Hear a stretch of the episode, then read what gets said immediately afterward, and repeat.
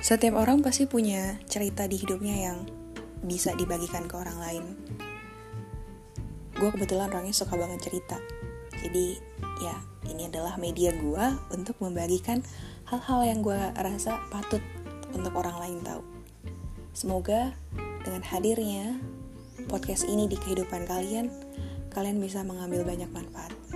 So, selamat mendengarkan, selamat mengambil manfaat. Have a blessed day. See you. Bye.